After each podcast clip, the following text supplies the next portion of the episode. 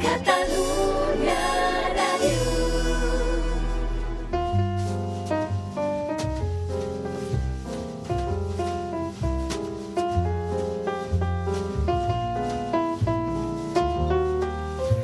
Aquestes setmanes, en la recta final de l'Ofici de Viure, amb l'Àlex Rovira. Què tal, Àlex? Hola, Ben retrobat. bon Estem parlant de l'amor a majúscules a partir del seu últim llibre, publicat per Columna, sobre aquesta gran paraula, aquest gran concepte que l'Àlex ens fa més proper a través també d'accions pràctiques. De fet, en aquest programa ja fa anys que ens has dit estimar és cuidar.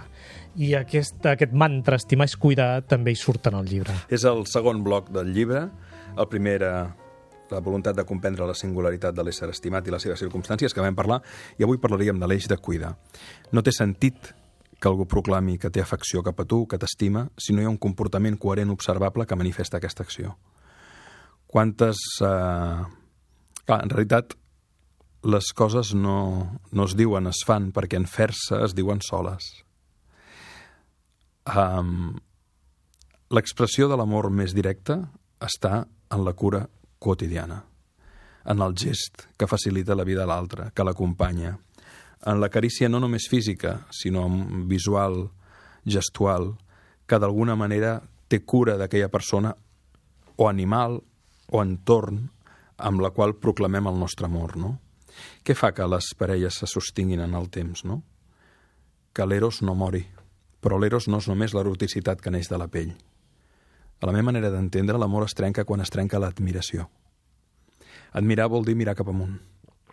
I no només en la relació de parella, amb els amics, amb la gent que ens envolta, quan l'admiració desapareix, desapareix la flama eròtica i desapareix la voluntat de cuidar-se. Uh, per tant, volem que l'amor prevalgui? Cuidem.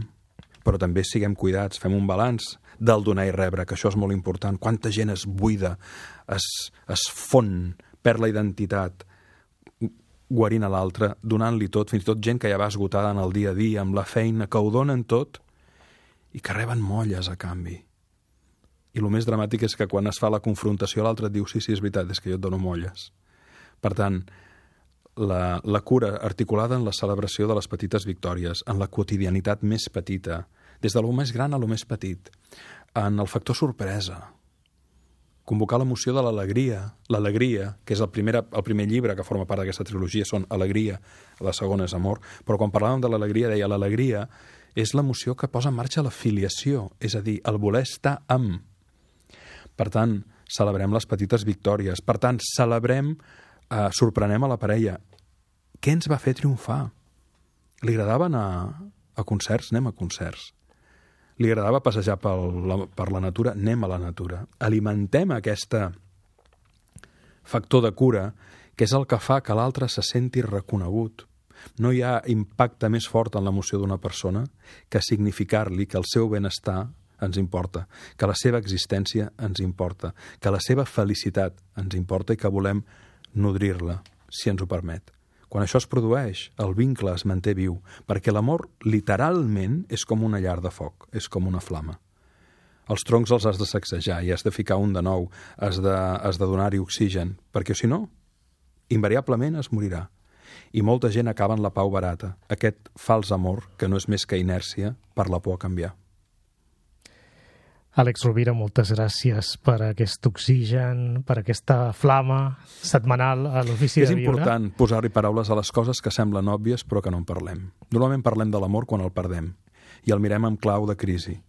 Mirem-lo amb clau de salut. El que ens deies l'altre dia, és molt necessària educació eh, en aquest sentit.